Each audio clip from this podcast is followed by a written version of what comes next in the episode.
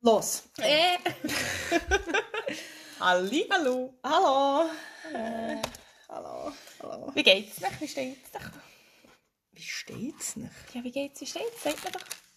Ja, aber sie können die immer noch nicht hören. Ja, aber ich mache es gleich. Also. Das ist wie...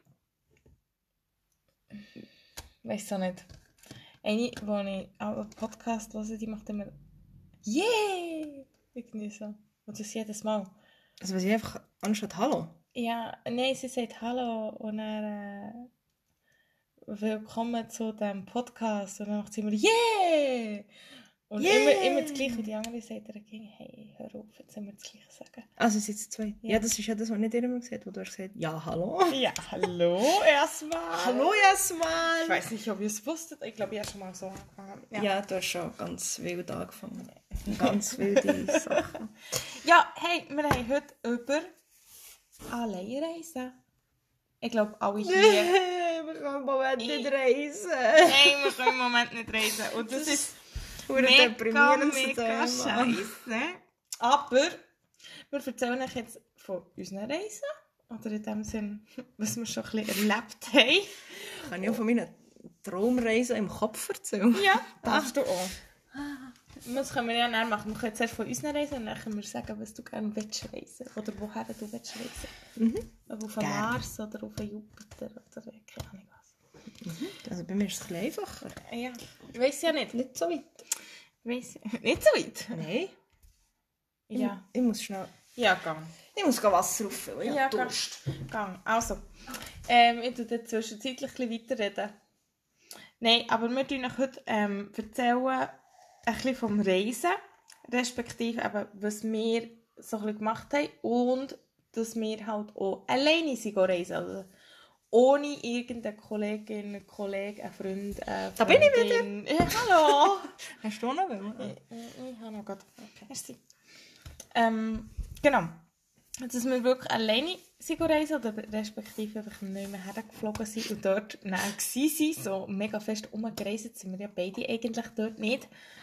Und haben eigentlich dann auch die Leute dort lernen kennen und nicht mitgenommen. Also weißt du? Ja, wir haben sie nicht von der Schweiz mitgenommen dort her, sondern wir haben sie dann alle dort lernen kennen. Wir haben sie dann von dort in den Koffer gepackt und sie in die Schweiz mitgenommen. Genau, also, nein. Ihr wisst, wie ich es meine. Ja, ja, ja. Mann. Also, erzähl von deinem alleinreisenden Erlebnis. Ja, mein alleinreisende Erleb Erlebnis ist jetzt schon ein paar Jahre her. Und zwar war es am 18. gewesen. Und ich bin mega traurig, dass es schon so lange war und ich jetzt nicht mehr reisen kann.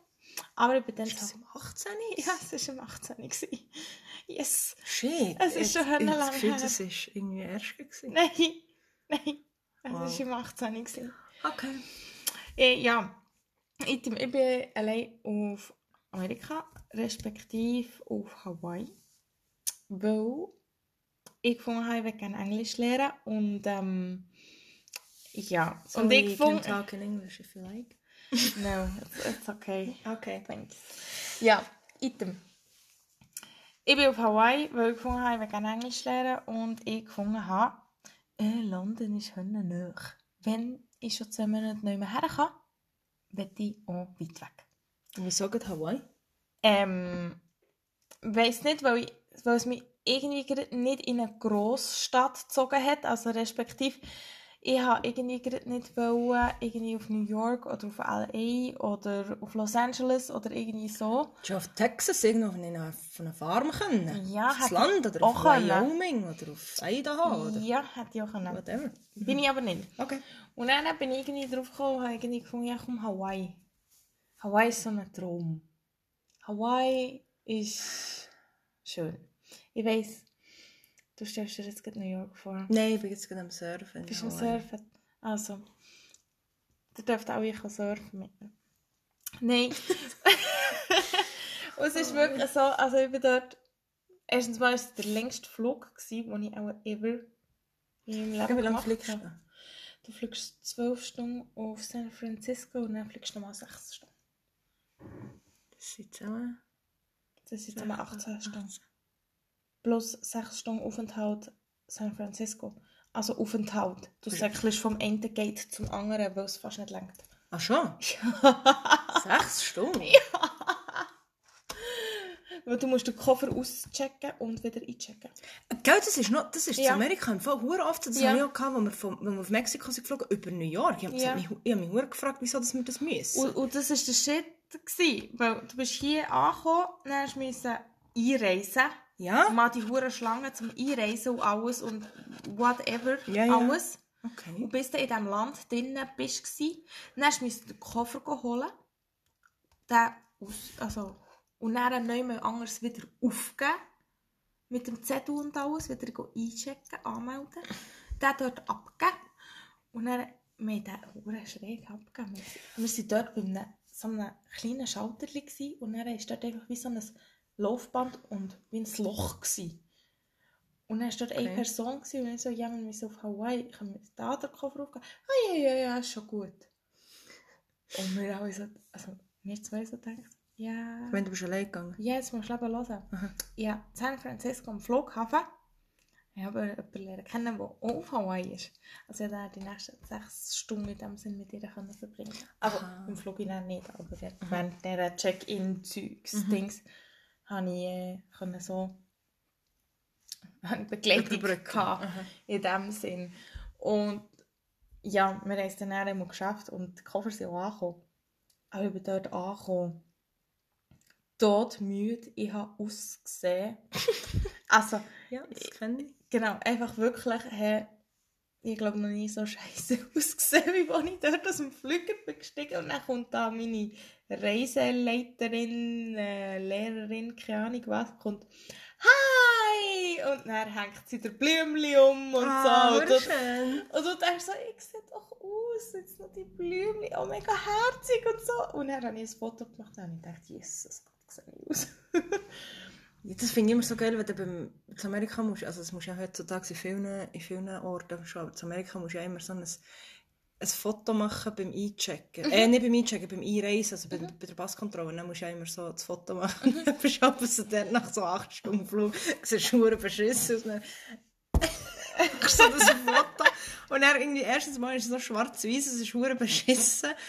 Und dann gehst du dort so her und so, hallo, ich sehe Ja. einfach nicht aus wie die Person da auf dem Foto. Ich bin eigentlich gar nicht die Person auf dem Foto. Keine Ahnung, wer das ist. Die ist so aus mir rausgekommen plötzlich. Nein, und auch das Einreisen. Also die Tonnen Fragen, die die haben wollen beantworten Aber das habe ich jetzt eben gerade fragen. Es ist speziell, weil du bist jetzt ja auf San Francisco geflogen. Ja. Und dann hast du dort Zwischenhalt gemacht. Dann Ja. musst du den Cover a- also abholen und wieder einchecken. Aber das habe ich auch mal müssen, als ich auf Mexiko bin geflogen Mhm. mit einem Zwischenhalt in New York. Aber Hawaii ist ja auch Amerika. Also darum Ja. frage ich mich, wieso hast du in Amerika müssen Ich bin in einchecken wieder, oder auschecken, Ja. wieder einchecken? Weil ich bin in Amerika eingereist. Beim ah, ersten du musst es Mal. einfach beim ersten Mal machen. Als ich zu Hawaii bin angekommen bin, habe ich das nicht mehr müssen. In Also dem die- Sinn. Die, die die grossen Dings Mhm. mit Fragen und allem, warum und wieso. Mhm. Ich musste San Francisco müssen offiziell einreisen, dass Ah, ich okay. eingereist bin. Und dann hast du aber... Und äh, dann bin ich wie im internen Inlandflug Inlandflug über. Okay, okay. Also in dem Sinn, Ja, weil bei uns haben sie dann, als wir auf Mexiko sind geflogen, und wir haben wir auch zu New York müssen die Einreise machen, dann habe ich also gedacht, wow. Und wir hatten etwa nur drei Stunden Zeit gehabt, gell? Mhm. Dann habe ich gedacht, ja, wow, ich meine, so erfahrungsgemäss Einreisen in New York, wenn nicht ein, gut, ich hatte dann noch ein Visum gehabt, aber geht ja 100, Ewig. 100 Jahre, oder? Und dann, mittlerweile hat es doch Scanautomat. ja, ja, die hat schon gehabt, es geht immer noch lang. Hm. Aber sie haben dann dort, ähm, äh, sag schnell, wo, wo wir haben gesagt haben, sie haben gefragt, ja, wo, wo wir hergehen. Dann haben gesagt, ja, wir, wir fliegen auf Mexiko. Und ich so, ah ja, easy.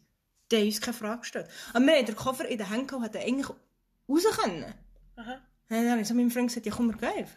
Und dann Hm, er so, ja, die finden uns dann schon. So, ah, okay. Nein, aber das Einreisen finde ich immer so... Aber ich finde es angenehmer, wenn du allein reist. Finde ich das Einreisen angenehmer, weil manchmal habe ich wie das Gefühl, wenn du zu zweit bist, vor allem jetzt gerade so zu Amerika, du sie die, Fuhren- tun sie die viel mehr filzen. Wenn Ja. du so als Familie oder als Kollege oder was weiß Ja, ich ja, ja. reist. Aber wenn du allein reist, Ja, aber Also, also, das vielleicht auch noch am Visum, das du gehabt hast. Ich weiß es nicht.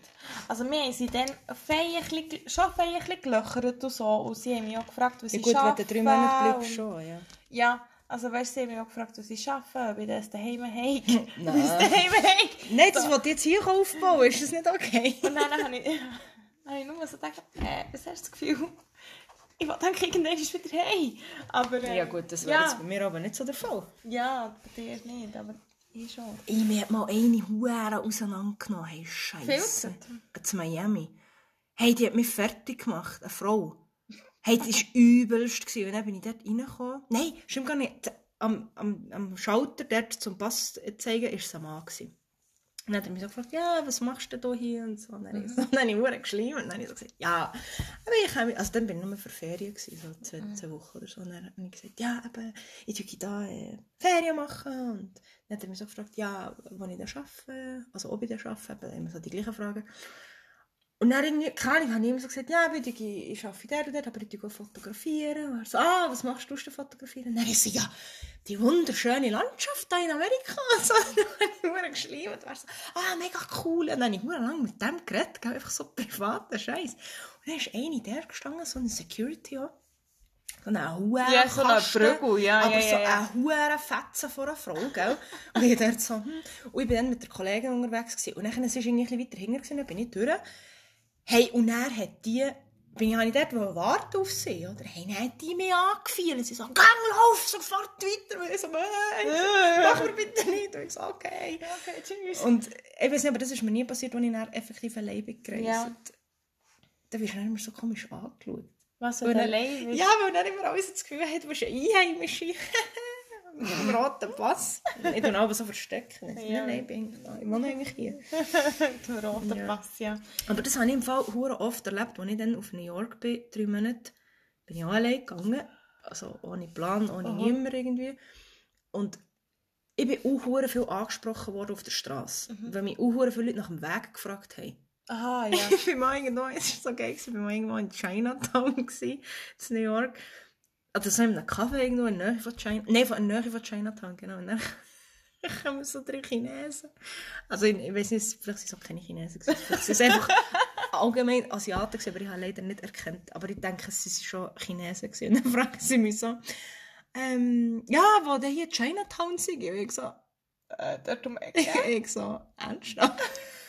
und dann habe ich so, dann habe ich mich, ich habe keine Ahnung, ich bin dann noch nie in Chinatown ich wollte gehen, aber ich bin irgendwie noch nicht ganz der gewesen, bin noch einen Kaffee trinken.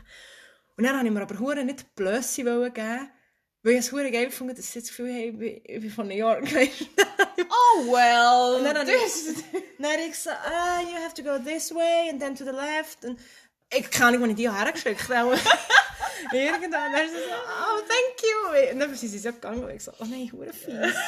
Das hat mir hure... Dann habe ich so gedacht, Scheiße, soll ich nachher nachher? Und, aber Aber ich muss es ganz, ist, glaube gar nicht, ist glaub, gar nicht so schlecht gewesen. also, ich muss ganz ehrlich sagen, ich hatte das Hawaii auch, gehabt, wo mich auch, ich bin dort, irgendwie bin ich auf Kolleginnen am Warten gewesen, die ich eben in der Schule lernen kennen. Und dann bin ich dort auch gestanden, habe irgendwie einfach, ja, noch ein bisschen Musik gehört. Oder sonst irgendwie, ich habe es einfach eben gewartet, bis ihr Bus kommt und so. Und dann sind dort auch eben so Touris gekommen. Also so Touri-Touri. Also weißt du, so Mutter mit dem Vater, dann Rucksack. Rucksack, dann äh, da, der, der Fotoapparat, weißt du, so, dann das karierte Hemdli, die Hawaii-Badhose, weißt du, in dem Sinn, so, also weißt du, wirklich so typisch, typische Touri. Und dann noch Thailand-Sandalen. Ja, Oh, ja. Also, nein, es war wirklich so typisch, so Klischee-Touri. gewesen. Und Ja. sie sind dann auch gekommen, fragen, wo es eben dann zum Strand ging. Aber haben sie denn Englisch geredet? Ja, so gebrochen. Das finde ich auch wenn das Geilste. Dann so, mhm. ja, Und- ich auch nicht so. Ja, genau. So gehörst du? Ja, genau. Ich so, mhm, ich verstehe nicht so viel Englisch, aber ist okay. Nein, es war ganz am Anfang, wo es wirklich noch so klapp ist gegangen. Aber ich habe mir denen gezeigt, wo der Waikiki Beach ist. Und die haben dann fragen, dann sind sie dort abgezottelt. Und ich habe nur gedacht, Scheiße. Aber das ist im Fall wirklich Zum Glück habe ich gewusst, wo durch, Ja, weil das mein so täglich äh, Dings ist, Weg war. So. Und bei mir hat eben auch mal jemand nach... Aber das, das passiert mir im Fall wirklich... Also ich bin ja schon oft jetzt nicht lange, lange Zeit allein Ja, reisen. aber mir aber- passiert es so, dass mich die Leute nach dem Weg fragen. Aber das ist immer nur, ich bin ja schon oft jetzt allein auch in die Ferien. Also ich Mhm. bin sicher schon fünfmal allein in die Ferien, weil ich auch gefunden habe, wenn niemand mit mir kommt, kann ich halt allein, oder? Lecker mir am Arsch. Und ich laufe dann viel, wenn ich dort rumlaufe, habe ich dann irgendwie Stöpsel da, höre Musik. Und dann habe ich wie das Gefühl, haben echt die Leute automatisch das Gefühl, die, die, die dich nicht als Tourist einschätzen. Ja, ja, ja. Das ist, du bist einfach ein Einheimischer. Und das Geile ist, gewesen, als ich mal ähm, in Spanien war, allein, bin ich dort irgendwie so bei der Kathedrale so ein bisschen rumlaufen gewesen. Und dann so zwei Typen zu mir und dann sagen sie so, äh, sorry, ähm, can you take a picture of us? Wirklich so. Und dann so, seid ihr und er so, ah ja, ja. Und dann ich so, ja, ich gehe. Und er so, ah, aber bist du nicht? Und dann ich so, nein, ich bin auch von Schweiz. Und dann sind sie sehr erstaunt gewesen, dass ich auch allein so, ja, mein Freund ist da hängen. Willst du nur Ausreden suchen? Nein, aber das finde ich hure lustig, weil du eben einfach, also das ist echt mir wirklich viel passiert. Und, und auch eben in Amerika, wenn, wenn sie dich dann eben so ansprechen und dann fragen sie dich irgendetwas. Und dann, wenn du aber musst, also in Amerika, in New York, kann ich aber manchmal, wenn ich wirklich etwas nicht gewusst habe, musst du dann so zugeben, so, «Hm, ich bin nicht von hier, weißt du, so, nervt dich dann, müssen sagen. I'm a tourist. I, I don't, nein, ich habe immer gesagt, I don't live here. ah. Vielleicht bin ich ja von L.A. oder von. San Francisco. Ah. Aber I don't live here, I'm sorry. Okay, no problem. Ja, so, die Kollegin, man hört die Akzent, aber ist okay. Ja, das ist das, was ich, wo ich immer so, ich immer, jetzt, wenn ich rede, habe ich das Gefühl, ich habe einen Ami-Akzent. Oder, von, von, Well. well, wenn Ja, mit so, Leuten, ja genau, einmal habe ich auch mit jemandem geredet, und der hat dann so gesagt, «Ah, aber du bist nicht von hier, die sagen so, ich so, what? Also, Äh, ja, ich war in Hawaii, gewesen, aber ich habe dort Englisch gelernt, aber ich finde jetzt nicht, dass mein Englisch nicht von hier da. Aber ist der er, von wo ist der er gewesen? er ist mehr französische Dings. Ja, eben. Aber ein Amerikaner oder ein Australier Ja, oder ein sicher, Engländer kennen- gehört, ja, dass, du nicht, dass du nicht. Ami bist oder was auch immer. Aber er ist, glaube ich, von Frankreich, also in ja, gut, Sinn die so. Rede komisch. Nein, aber Mit dem- aber das war noch, noch spannend, gewesen, so vom Dings her. mir mal in Amerika, in New York, hat mir mal einer gesagt, er so, ah, you have an Irish accent. Ich so. Also, bitte? Und dann habe ich dann, ich bin ja dann, als ich in New York war, bin ja, ähm, habe ich eben ein Praktikum gemacht bei einem Fotograf. Ja. Und dann habe ich das dem erzählt. Ich so, findest du, ich habe einen Irish Accent? Und er so, nein, überhaupt nicht. und dann habe ich so, das hat mir, einer- hat mir einer gesagt, ich habe einen Irish Accent. Hey, ich finde es wirklich eigentlich grundsätzlich mega cool, wie viele Leute das du lernst kennen, wenn du eben alleine gehst reisen. Einfach so spontane Begegnungen oder so spontane... Aber hast du das Gefühl, du lernst mehr Leute kennen, wenn du allein reist, als Ja. wenn du in Begleitung bist? Weil du bist offener. Ja, das stimmt. Du bist offener für neue Leute zu lernen zu kennen. Wenn du allein, oder wenn du mit jemandem zusammen reist, bist du in diesem Grüppli und dann bist du zusammen. Ja, das stimmt. dann hast du wie Gesprächsthemen oder pa Gesprächspartner Ja. oder irgendwie so. Und wenn du allein bist, also ich bin auch so, ich bin auch sehr mitteilungsbedürftig zwischendurch. Ah, wirklich? Ah, ja, Nein, das wirklich. hat dir jetzt nie gegeben. Ich weiß. Shit, etwas Neues, was ich über dich lernen kennen. Oh Gell, mein Gott. Ja. Item. Man kennt die für seine Freunde einfach schon nicht. Nein, es ist furchtbar. Einmal Item.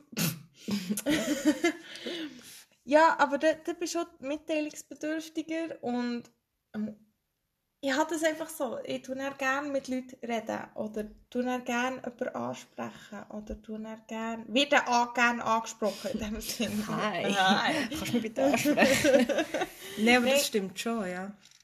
Aber ich habe so, was ich, hey, etwas, was ich so geliebt habe und das vermisse ich hier wirklich extrem. Wenn ich, ich bin ja immer dort, wo ich gewohnt habe, das, ähm, ich habe jetzt in Brooklyn gewohnt. Mhm.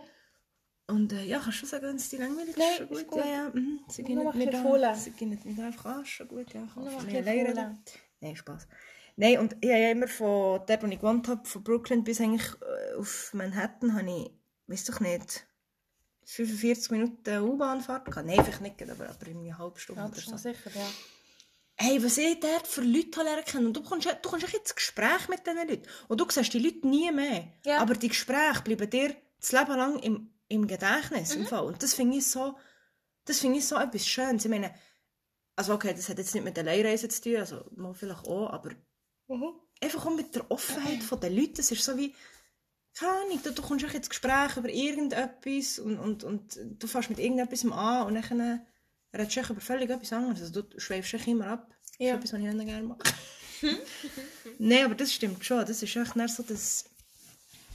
Ja, ich glaube, du bist einfach, Freigeist-Leben irgendwie. du bist einfach nicht. offener. Das, glaubst, das stimmt schon. Und du wirst auch mehr... Ja, mehr Ja, und, und ich finde, es tut auch gut. Also es sind auch Lebenserfahrungen, ja, ich weiss, es klingt jetzt ein blöd, aber Ja, es aber sind. Lebenserfahrungen, die du machst, wenn du halt allein musst schlagen kommen und allein musst Sachen finden und allein musst halt mal. Und nicht der beste Freundin kannst du anrufen oder die Mami fragen oder hier oder da Ja, oder du hast dort. immer jemanden neben dir, der mit dir reist, wo... Zum Beispiel, als ich das erste Mal in New York war, bin ich mit der Kollegin und dann hat sie... Sie hat sich sehr gut ausgekannt in der U-Bahn. Und ich bin dort das erste Mal in die U-Bahn Mhm. mhm. Ich so, oh mein Gott, was ist das hier? Ist das ein Irrgarten? Und ich habe mich immer nur an See gehalten. Sie hat Ja. gewusst, ja, wir müssen dort, tak, tak, tak, tak, tak. Und dann, als ich, das erste, als ich dann allein in New York war, Mhm. bin ich in dieser U-Bahn rumgestanden und ich so, Scheiße, jetzt muss ich allein klarkommen.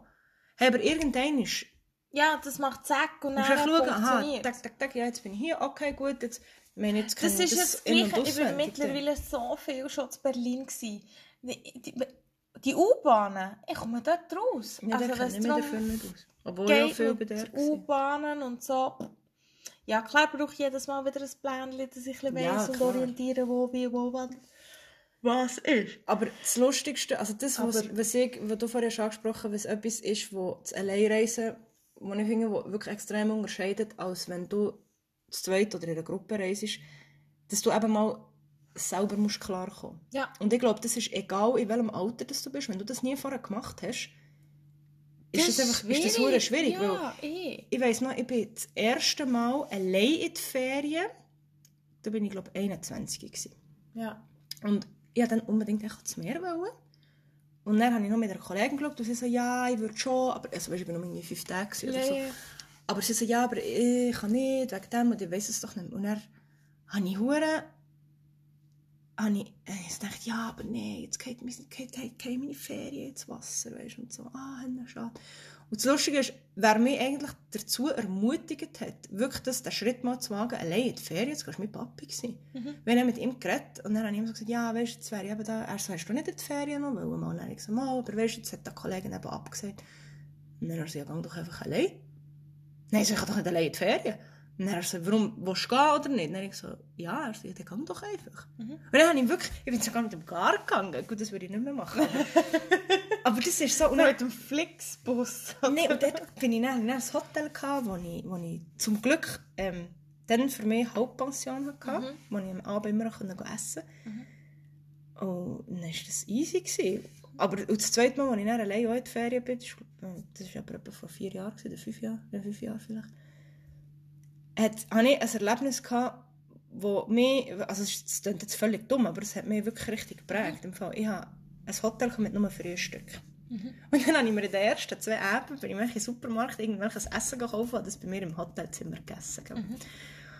Und dann am dritten Abend habe ich so gefunden, hey, jetzt bewegst du mal die Arsch, Und gehst gehst raus und du hockst jetzt in ein Restaurant, und zwar allein. Und du gehst jetzt dort essen. Und du schämst dich nicht und du nimmst nicht dein Handy vor, wo du peinlich berührt bist und dich willst ablenken Oder? Dann bin ich dort ein bisschen in der Stadt rumgelaufen und habe gedacht, okay, wo soll ich rein, wo soll ich rein? Und ich habe so lange, ich habe sicher etwa 10 Restaurants angeschaut und ich bin immer wieder gekehrt. Und ich so, nein, ich kann das nicht. Und dann bin ich wirklich in eins reingegangen und dann ist der Kellner gekommen und fragt mich so, also weißt du, ich bin gewartet für den Tisch und er so, ja, grüß dich zum Essen. Und ich so, ja, gerne. Er so, für wie viel? Ich so, Ähm, sieben Kollegen da hängen. Sie, sie kommen dann. Nein, dann habe ich so, für jemanden. Hey, ich war dort im Fall Königin. Gewesen. Hey, die haben mich behandelt, wirklich wie... Ich bin, ich bin, ich bin dort behandelt worden, aber... Also weißt du, so... Ja. Hey, die anderen Gäste haben schon geschaut. Die sind auch fragen, willst du noch das, du noch das, du noch das Dessert? Und hier und... Aber weißt du, wenn... Und ich dort so... Gewesen, Okay, chill jetzt mal. Ich so. Also weißt wirklich Ja, über, ja, ja. überfreundlich, und- aber mega herzig, Ja. weil sie wirklich so weil das auch einfach hure selten vorkommt. Ich meine, es war ein Touristenort, wo Familien waren, Pärchen, Ja. Kolleginnen. Und dann kommt Okay. so ich dann. Und ich Ah, wirklich, ja, mein Nein. Handy den ganzen Abend in der Tasche gelassen. Ich bin wirklich so der gehockt und einfach so ein bisschen die Leute beobachtet. Und die Leute, ich habe schon gemerkt, weißt, wie mich die Leute komisch anschauen. So. Was, macht, was macht die da allein? oh nein, wirst du so hure bemitleidend? Oder, ah, ah, was macht die? Nein, und das, das finde ich, ist wirklich etwas... Äh, Ja, das glaube ich schon. Das ist etwas Cooles. Das ist auch meine Grö Also, muss ich ganz ehrlich sagen, ich bin sonst, ich sehe ja sehr gerne daheim allein. In dem Sinne Ja, etwas. das ist aber etwas anderes. Aber allein in ein Restaurant zu hocken, braucht sehr viel Mut. Ja. Das ist ja so. Mhm.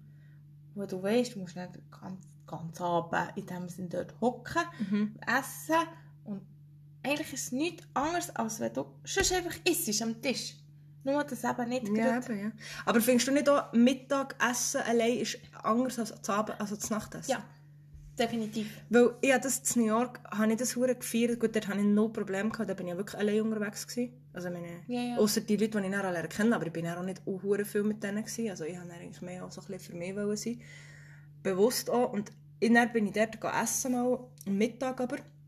Und das ist so geil. Dann bist du reingekommen, haben sie dich so gefragt, ja, ähm, also wenn du allein bist, das ist dort, weißt du, wie völlig, ist völlig normal. Und dann haben sie mich Ja, aber das gefragt, ist vielleicht auch noch eine andere Mentalität, ob jetzt Amerika oder Spanien. ja, das kann schon sein. Also weißt du vom Dings her. Weil, nein, sie, haben- sie fragen dich dann so, äh, willst du gerne an einen Tisch, also einen Zweier-, Dreier-, Vierer-Tisch, was, was auch immer, oder weißt, es gibt in der Mitte, hat sie in diesem Restaurant so eine, eine Länge gegeben. Ja. Einfach einen langen Tisch, wo einfach alles das zusammengewürfelt ist die Leute okay. sind gehockt. Dann ich so, nein, nein, ist easy, ich hocke gerne dort. Und so, dann kommst du auch dort mit Leuten ins Gespräch, die vielleicht auch allein sind, die vielleicht, Ja. weiss doch nicht, solche, die vielleicht am Arbeiten sind, Mittagspause haben, und dann vielleicht irgendwie, äh, keine Ahnung, andere, die einfach allein rumreisen. Und das ist wirklich, das finde ich etwas, das gibt dir auch hure viel. Ich Ja. glaube, es gibt dir auch eine hohe Stärke, wenn du einfach für dich quasi in einem fremden Land, also nicht nur in einem fremden Land, ich finde es so cool, wenn du das in der Schweiz allein Ja. machst, weißt du, wenn du einfach, Ich finde es gibt dir einfach ja. viel. Das ist definitiv so. Nein, muss ich also auch sagen. Ich habe immer zwischendurch so das Gefühl, ja, wenn ich etwas allein mache oder so, dann ist immer so, ja, ich habe keinen Kollegen oder so. Aber ich mache aber gerne noch etwas allein. Also ich mache im Fall mittlerweile lieber Zeug allein. ja. Ist im Fall richtig, also äh, manchmal habe ich so ein bisschen Angst, dass ich so ein Einzelgänger bin. Aber Du machst ja immer noch mit mir Podcast. Ja, du machst ja noch nicht allein. Ja, ja, noch soziale Kontakte.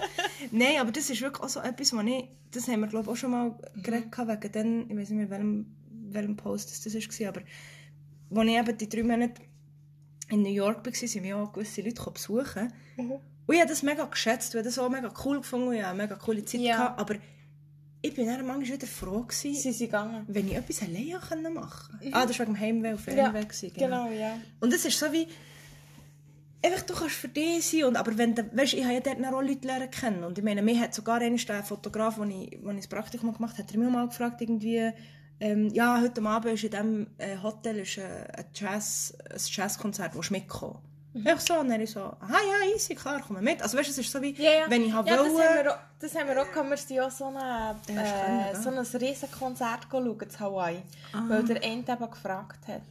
Das war richtig cool. Gewesen. Gut, aber du bist ja dann gleich mit anderen gewesen. Ja. Aber wir sind eigentlich von jemandem Aussenstehendes gefragt Aha. worden, den wir nicht kennt haben. Nein, aber, aber das finde ich schon.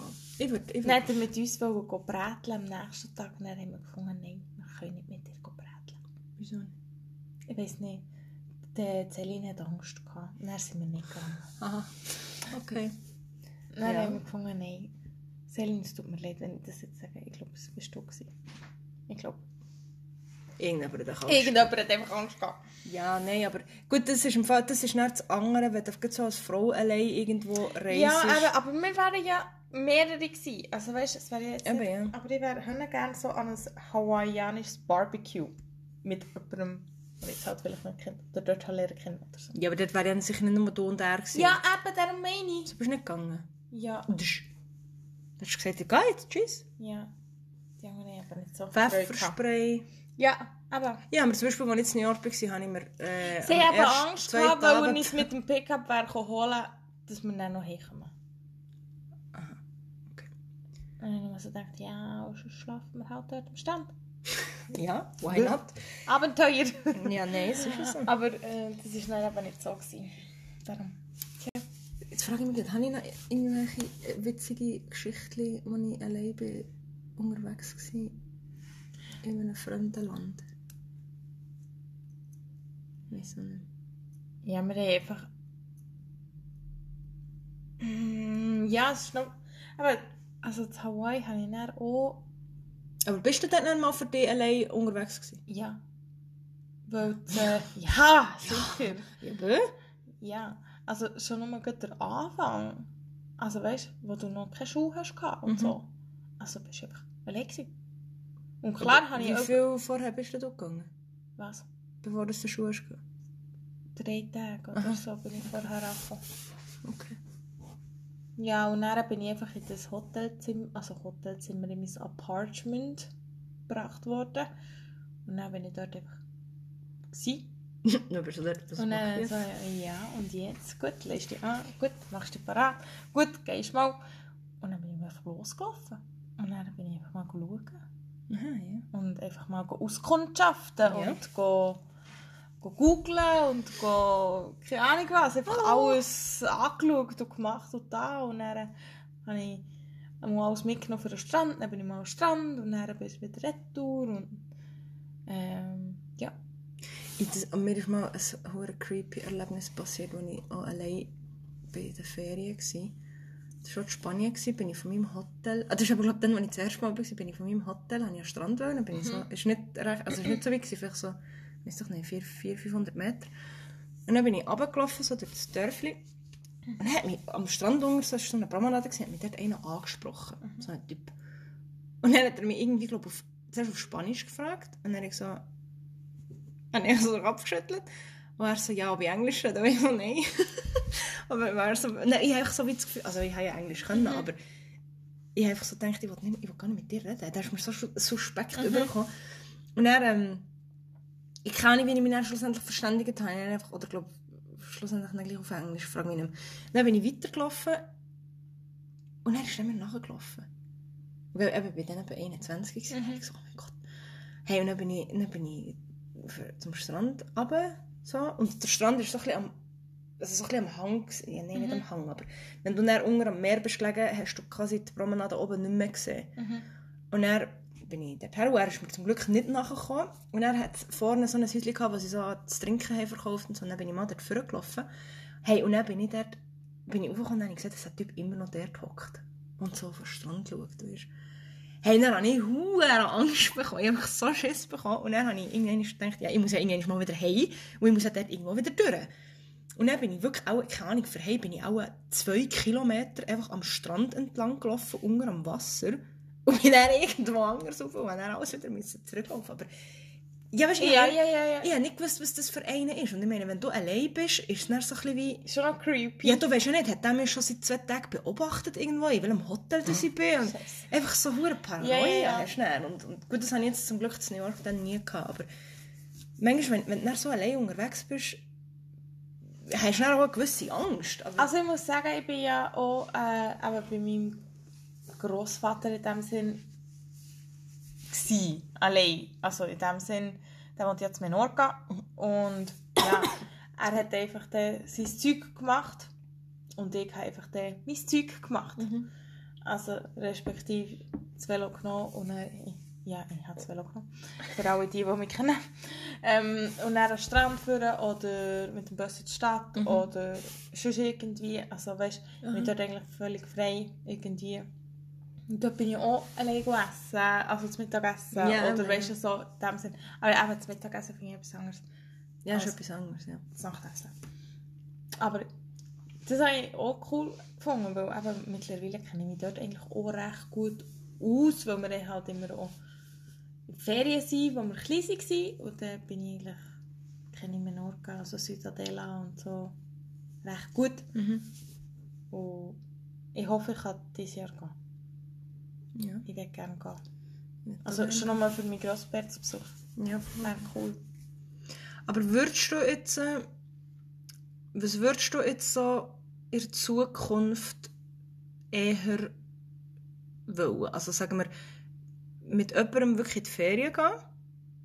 Oder mehrheitlich eigentlich allein zu gehen? Und, weil ich habe Gefühl, du siehst schon nicht das Gleiche. Nein, überhaupt nicht. Du siehst nicht das Gleiche, Also, wenn du allein In die gehst. Ferien gehen ist für mich eh immer schwierig mit jemandem, weil ich habe das Gefühl, nach drei Tagen geht mir die Person auf den Sack. Ja, jetzt weißt du, warum ich meistens allein in die Ferien gehe. Also, weißt du, nicht- weißt du, nicht, ist es mega böse ausgedrückt und so. Also, ich habe ein paar Freundinnen, wo es wirklich funktioniert. Aber ich habe ein paar Freundinnen, wo ich merke, es geht langsam an Grenzen. Also, meine beste Freundin, ähm, mit ihr würde ich nie mehr auf Spanien gehen. nie mehr.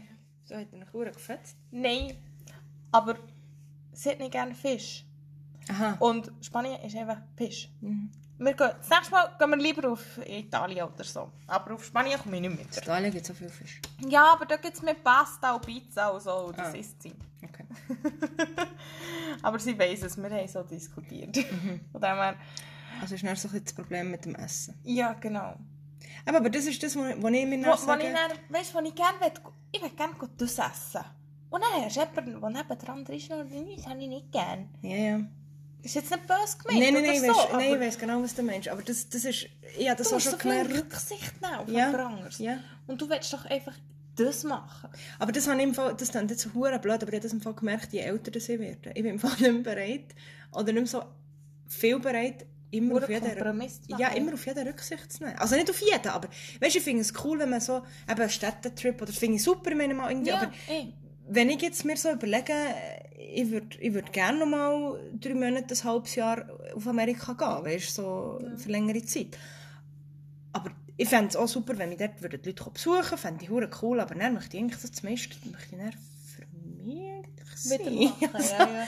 Nein, aber das ist glaube ich wirklich so etwas, wo, wo du dann hure schätzt auch am Alleinreisen. Und ich habe Ja. das Gefühl, ich habe das Gefühl, also das kann ich jetzt wirklich von mir behaupten, als ich in New York war, das, was mir am meisten gegeben hat, weißt du, ich rede jetzt nicht von zwei Wochen Spanien oder einer Woche Spanien in der Ferien, aber wo ich wirklich für mich allein dorthin bin auf das New York, das hat mich so komplett verändert. Also es hat Ja, ja, ja. nicht, nicht in dem also verändert nicht, aber ich habe hure viel über mich selber gelernt. Einfach wieder etwas anderes gelernt, ja. Und ich habe hure auch gemerkt, manchmal in diesen Situationen, hey, was ist mir eigentlich wichtig und was, ist eigentlich, was will ich eigentlich? Und ich finde das so faszinierend, dass du so eine Einsicht eigentlich tausende von Kilometern von deinem Daheim kannst haben und nicht oder dass das hier in den, in den eigenen Einfach vier Wänden einfach Energie, ja. ja, kommt es dir wie manchmal nicht. Ich, manchmal habe ich wie das Gefühl, also bei mir ist das so, ich muss wie an einem Ort her, für das ich mich wieder finde. Ja. Also das ist, Also was ich, finde ich recht krass. das ist jetzt ganz, äh, ganz noch etwas anderes, was ich zum Beispiel nicht kann haben mit jemandem mit den Ferien. Wenn derjenige nicht den gleichen Schlafrhythmus hat wie ich. Ah ja, das habe ich, da habe ich auch Mühe. Ja. Da habe ich ganz fest Mühe, wenn jemand muss ausschlafen Wieso macht man das in den Ferien? Ich weiss es Stand nicht doch auf, geh etwas. Ja! Weil es hat diverse Ferien gegeben, wo ich dann einfach einmal sagen Gott, jetzt ist das schon halb elf, können wir langsam gehen. Mhm. Und derjenige immer noch am Schlafen war. Ja, voll, ja. Oder meine erste Reise auf Amsterdam. Äh, Erstens hat man alles um 8 Uhr gepennt, weil alles bekifft war. Mhm. Und ich wäre so parat gewesen, für raus und etwas zu essen und ich weiss nicht was machen. Entschuldigung. Mhm. Jetzt auch noch verschluckt. Mhm. Und dann, ähm, ja, Ja, ich 8 Uhr gefunden. Ja gut, ja, dann kann ich halt auch schlafen. Aber ich wusste, hey, äh, dann bin ich um 7 Uhr wach. Hau wach. Und sie sind erst so bis um halb elf, haben sie pennen. Ja, ich bin am 7. bin ich dann auf, habe ich angelegt, bin dann raus, bin in Starbucks, ich gehe Kaffee holen und dann bin ich in Amsterdam rumgelaufen. Ja, eben, ich meine, dann muss es sich so machen, Ja. weißt Ich, ich bin dann einfach, und dann einfach geschrieben, hey, schaut, wenn ihr wach seid, könnt ihr auch Bescheid geben. Ja. Und dann können wir dann etwas gehen, zum Morgen, zum Mittag essen. Eben, aber dann finde ich es nicht, weißt du, das ist Und das nicht so... war dann auch so eine Leihferien, gewesen, weil ich eigentlich, ich bin dann Amsterdam anschauen, ich habe es cool gefunden, und ich habe es schön gefunden und bin hier und da und dort und wow und cool. Und der Rest hat einfach schlafen.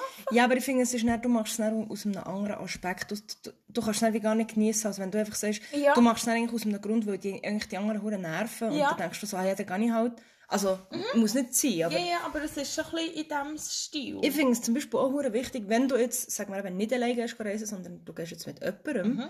dass du mit jemandem gehst, wo du auch mal kannst sagen, hey, jetzt habe ich heute Lust, ähm, für ein Museum Mhm. anzuschauen und die andere Person sagt, ja, du, aber ich würde jetzt lieber eine Velotour machen. Ja, easy.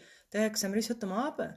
Weißt du, dass du auch mal kannst einen Tag für dich verbringen und Mhm. nicht, dass du jemanden hast, der dann die ganze Tour am Rockzipfel hängt. ja. Und, also ich meine, ja, das letzte Mal, in der letzten Ferien, wo ich mit meinem Freund war, also nein, es war nicht die letzte, gewesen, aber schon länger her, hat er auch irgendwie so ein Fitnessstudio gefunden. Dann hat er gesagt, ja, er geht jetzt zwei Stunden ins Fitness. Also ja, ist jetzt nicht lang, aber Ja. und dann habe ich so gefunden, ja gut, ich gehe nicht ins Fitness, also dann kann ich schon etwas für mich machen. Also Ja. weißt du, ich finde es dann so wie...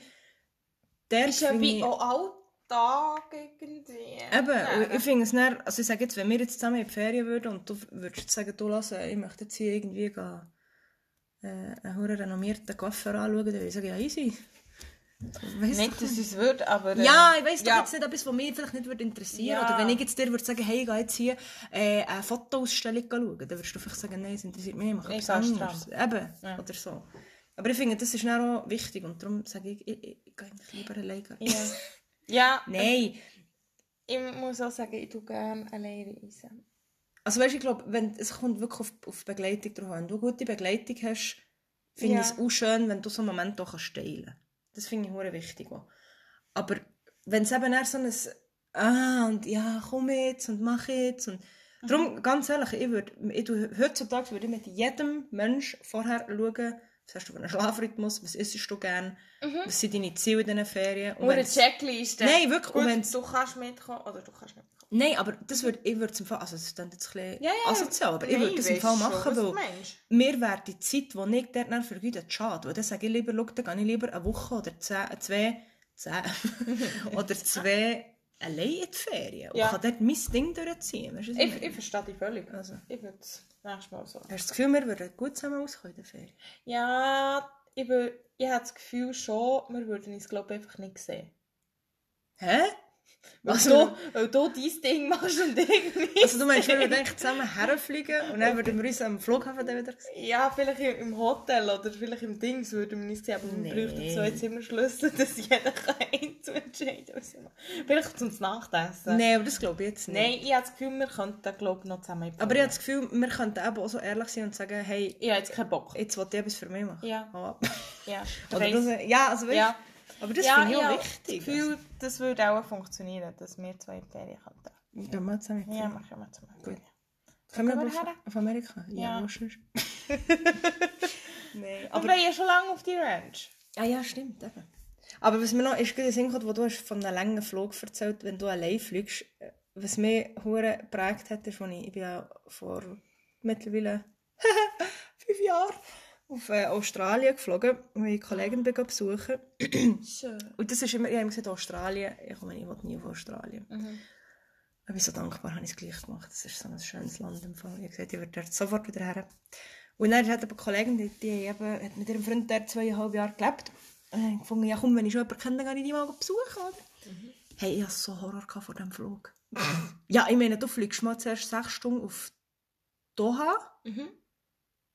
Und dann nochmal 14 Mhm. auf Sydney. Ja, geht lang. Ich weiss. Und du bist so dort, also weißt du, so die sechs Stunden auf Doha easy, ja, dann hast du dort so... Oh, Äh, hast du Fernsehen gehabt? ja, ja. Ah, Das aber Geile war, habe ich den von San Francisco auf Hawaii nicht gehabt. Weil sie noch unter Kurzstrecken Inland Wie lange ist er gegangen? ist gegangen. Sechs Stunden. Ha. Und ich hatte kein Fernsehen. Gehabt. Und ich habe mir nichts runtergeladen ja und gut, nichts okay, gemacht. auf, auf, auf sechs Stunden würde ich es jetzt noch aushalten. Ja, ja, aber, aber du hast schon... Das Gäbige ist, ich habe schon zwölf Stunden gehabt. Das heisst, ich habe nur noch schlafen. Eben. Das ist in dem Sinne. Ja. Aber das Fest habe ich nicht schlafen, weil dann Nacht war, als ich bin angekommen. Ich würde mal gerne können sagen, ich tue im Flugzeug schlafen. Ich habe noch nie in einem Flugzeug geschlafen. Oh Mann. Nein, bei mir war es dann so, gewesen, ich bin sechs Stunden auf Doha geflogen und dann bin ich so zu Doha umgestiegen, hatte zum Glück nur eine Stunde. Gehabt. Und dann bin ich dort äh, im Flieger gewesen, für auf Sydney, oder? Und der Flug war komplett leer. Gewesen. Und dann habe ich gedacht, ah, hure cool, dann habe ich vielleicht drei Sitze und kann vielleicht sogar liegen. Und wenn ich kann liegen kann, dann kann ich schlafen. Aber in diesen huren Gipfeln sitzen, kann ich nicht, kann ich nicht schlafen, es geht einfach nicht. Und ja, sogar noch Tabletten, weißt, so Melatonin-Schlaftabletten äh, extra genommen von der Apotheke und so, dass ich kann schlafen kann. Nicht genutzt. Hey, und dann bin ich dort in dem Flugzeug in der Fernseher geladen, da steht so, Reisezeit bis zum Ziel, ähm, 13 Stunden 55. Und ich so, oh mein Gott. und ich, wirklich so, okay, ich bin Mutterseele allein in diesem Flugzeug. Also ja, es hat schon andere Menschen gehabt, Ja, aber aber eigentlich. dann habe ich wirklich manchmal so, so hohe Horrorvorstellungen gehabt. Also ich dachte, hey, was ist, wenn ich hier jetzt abstürze? Dann sterbe ich einfach allein, Mann. Das ist schon traurig. Ähm, das, das habe ich, den, den Gedanken hatte ich dann, gehabt, als ich von Chicago heimgekommen bin. Ich war ja noch in Chicago. Gewesen. Ah ja, stimmt. meinen Onkel besuchen. Der wohnt aber in Chicago. Ich bin eigentlich dort den ganzen Tag, weil er gearbeitet hat, Und sie auch. In dem Sinne bin ich eigentlich allein gewesen, den ganzen Tag. Mhm. Dort hatte ich den geilsten Sushi. Gehabt. Schön. Geilsten Sushi ever. Sushi, Sushi. Und dann bin ich heimgekommen. Von Chicago hey, easy. Und dann hatte jetzt Zürich so einen hohen Straubensturm wo, wo sie wirklich so die Luft hat die Dächer abdeckt und Oh so. Also weißt, es hat gehudelt wie nichts. Und dann habe ich irgendwie so, gut. Wir stürzen ab. Also besser gesagt, ach kommen wir immer. Ja, ja, ja, ja, ja. Und dann bin ich dort so, irgendwie weiss auch nicht, irgendwie nur chillt. Und es hat schon Leute gehabt, die gekotzt haben und Oh so. nee. Also es ist wirklich, weißt, es ist wirklich übel. Nein. Es ist wirklich, und die Lämpchen mit den Angurten, sie schon, haben schon blinken, gell? Gut, solange es nicht die Sauerstoffmaske Nein, das ist noch nicht passiert. Aber es ist schon gerade ein bisschen grenzwertig in dem Sinne. Und auch jeder andere wäre nie mehr in ein Flugzeug gestiegen. Ich bin Mhm. mittlerweile schon mehrmals wieder ins Flugzeug gestiegen. Aber ich habe mir dann einen Apfelsaft bestellt. Ich habe mir auch Nein, Hochprozentiges bestellt. Dann habe ich mir einen guten Film drin da. Dann habe ich das Apfelsaft, dann habe ich das Ding getrunken. Ach, komm ja sowieso. Ja, so eine Und, dann, und die andere, der andere Gedanke war, ich war ja in der Ferien. Gewesen. Ich gehe ja nicht erst. Das ist im Fall immer so das ist nur krank. Aber Ich bin ja wenigstens jetzt schon. das ist aber im Fall auch, auch mein Gedanke. Aber ich hatte, bei mir war es darum, als ich auf, auf Sydney dann bin geflogen ich, habe ich eben drei, Reihen, äh, drei Sitze gehabt. Dann habe ich gedacht, ja komm, easy, ähm, ich lege her und habe mich aber angeordnet. Weißt du, falls, falls es gleich gibt, dass sie mich nicht können, können, wecken können, weil sonst können sie die auch wecken, oder? Ja. Und ich gedacht, weil ich ja schon, eh immer schon so Einschlafprobleme habe im Flugzeug, Mhm. dann ich mich anschnallen. Dann bin ich so hergelegen, schön, gell. Und ich wäre wirklich sogar kurz vor dem, äh, vor dem Einschlafen gewesen, dann hat das angefangen zu hodeln, gell. Und ich so, oh mein Gott, ey, es hat mich Fall wirklich zum Teil, also das ist, das ist jetzt nicht gelogen, es So. hat mich vom Sitz gelüpft. Ja, ja. Ich bin ja gelegen. Und ich so, oh mein Gott. Und dann bin ich so aufgehockt und ich schaue immer die Stewardess an, immer. Wenn die noch einen gechillten Eindruck macht und einen Ausdruck hat im Gesicht, wo ich nicht so gut weiss, oh mein Gott, wir sterben auch nächstens, dann bin ich beruhigt. Und dann ist sie da gelaufen und ich dachte so, weißt du, merci, jetzt, wo ich schlafen kann. Und ey, das ist so eine, also, ja, ja, dann habe ich wirklich Angst gehabt. Ich gedacht, hey, wenn ich jetzt hier abstürze, dann stürze ich einfach hier irgendwo ins Meer und ich bin allein, ich sterbe einfach Mo, ich wäre ganz schon allein. über der Schweiz gewesen, also schon in der Nähe von Zürich. Also Nein, dann auch vielleicht in- wäre ich auch noch zu Bern gelandet. Ich wäre auch irgendwo gewesen. Und er, aber was dafür war, ich habe noch nie so einen schönen Anflug gehabt wie auf Sydney. Mhm. Hey, das ist übelst. Im Fall, es ist wirklich so, also übelst schön. Mhm. Du, ich bin dann am Abend und dann siehst du wirklich so die ganzen Lichter und dann hast du eben die, Mhm. wie heisst sie, die Har Harbour Bridge, glaube ich, der beim Opernhaus. Hey, das war so geil. Gewesen. Und das hat dann alles entschädigt. Ja. Ja. Ey, ja. Also, Scheiße, haben wir lang geredet. wir haben schon wieder viel geredet. Aber ich wollte immer noch reisen. Ja, ich gehe und ich glaube, alle, die zulassen, auch. Und jetzt haben sie alle noch mehr. Was verrückten, bei unseren verrückten Flugzeug allein Sterbengeschichten. Ja, genau. Eigentlich haben wir über allein Reisen wollen reden. aber das, das, das zieht es dann halt mit sich, wenn Ja. du allein gehst, reisen. Nein, aber können wir mal noch etwas machen, wo wir reden, wo wir gerne wetten? Ja. Her gerne wetten. Ich kann nicht mehr reden, es tut mir leid. Ja, es ist jetzt so spät. Also, wir machen Tschüss. Also. Wir machen Tschüss. Nein, wir müssen so eine Flugzeug-Ansage machen. Meine Damen und Herren, in Kürze landen wir. In Bettenhausen. Das Wetter ist schön. Wir haben kühle 5 Grad. oh mein Gott. Okay, können wir aufhören. Also, das Flugzeug ist gelandet. Ade. Tschüss.